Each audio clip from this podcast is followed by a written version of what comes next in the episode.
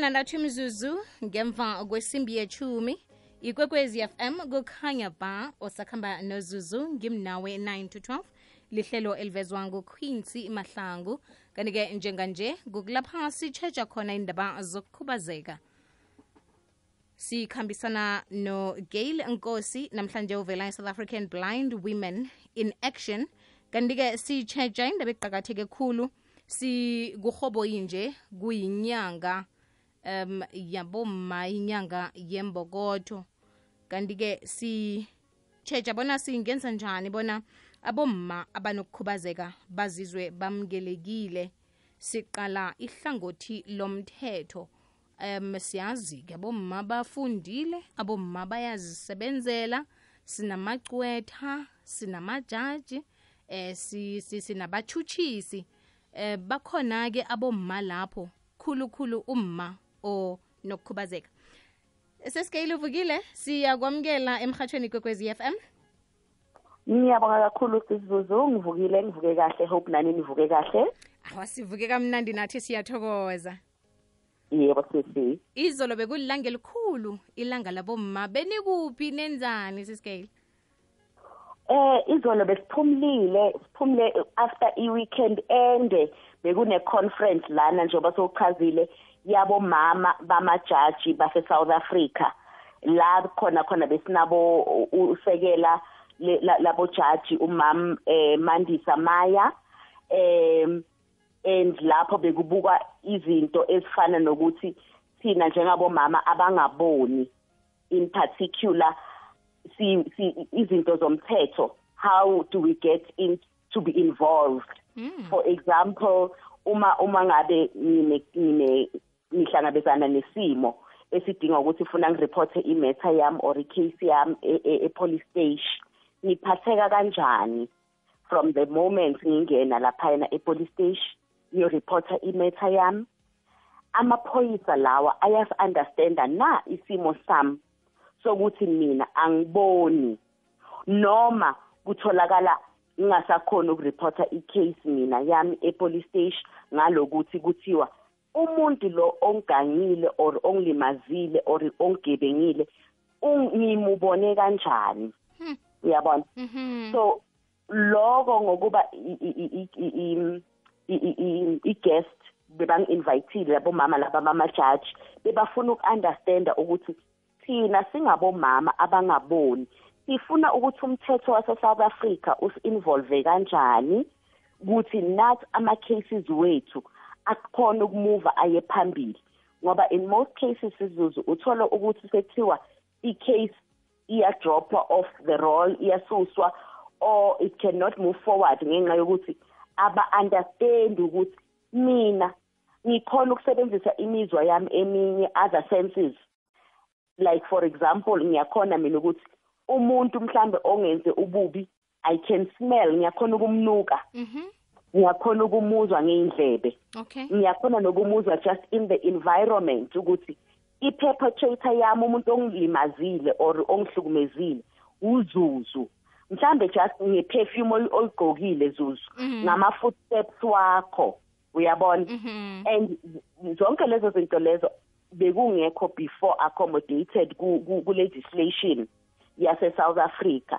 So sijabula kakhulu manje ngalokuthi on Sunday makuvalwa i-conference ivalwe nalawo ma resolutions yokuthi umthetho wase South Africa sozoshintsha uinvolve lezo zinto uinclude abomama nabantu nje abakhubazekile as a whole uma ngabe sihamba siyo report ama cases wethu kuma police station and also nakuma court matters. Wow. Ngiyabonga. So sesicale kutsho ukuthi um nakhu ngihlukunyezwa mumuntu. Ngapha um nginokukhubazeka angiboni. Bese umuntu lo ukuhlukumezeka kwami akuthathelwa ehloko kuqalwa isimo sami kuqalwa ubujamo bami. Okay.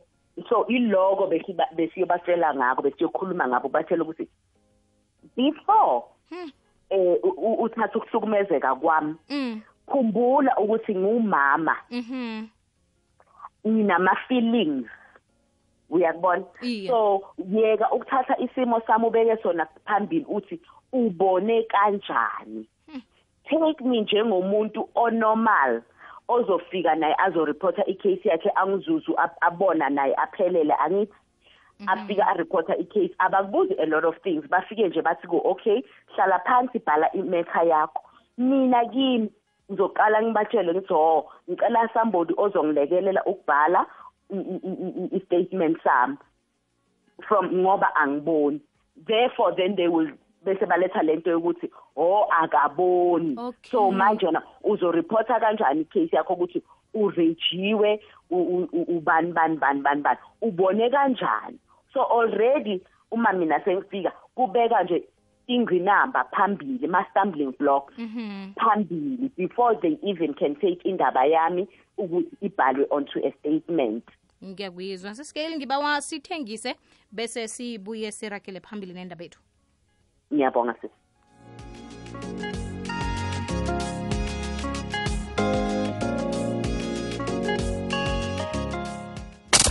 ithabo onali umdicho onawo. Ikwekwezi fm kukhanya ba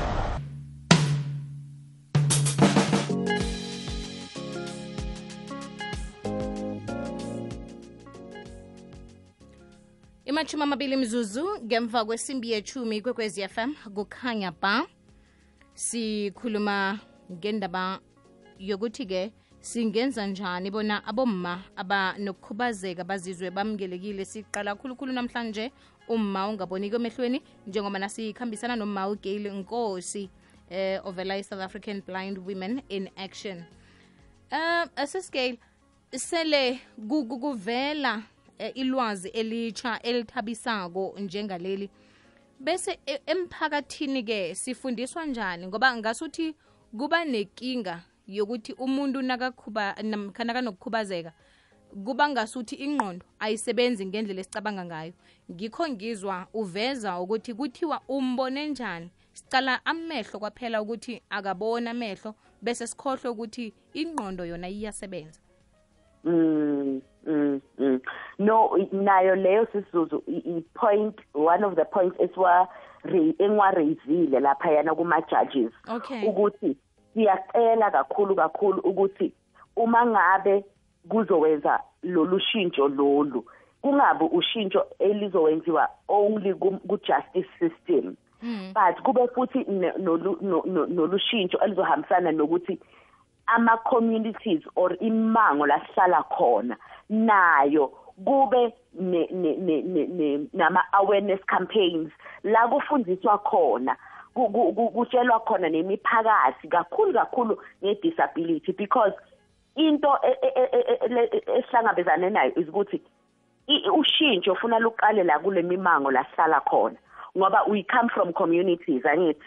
And therefore masisuka la kuma communities lama lama perpetrators ethu or labantu abenza izinto ezimbi kithi babuya la kule miphakathi la sihlaka- sihlala khona.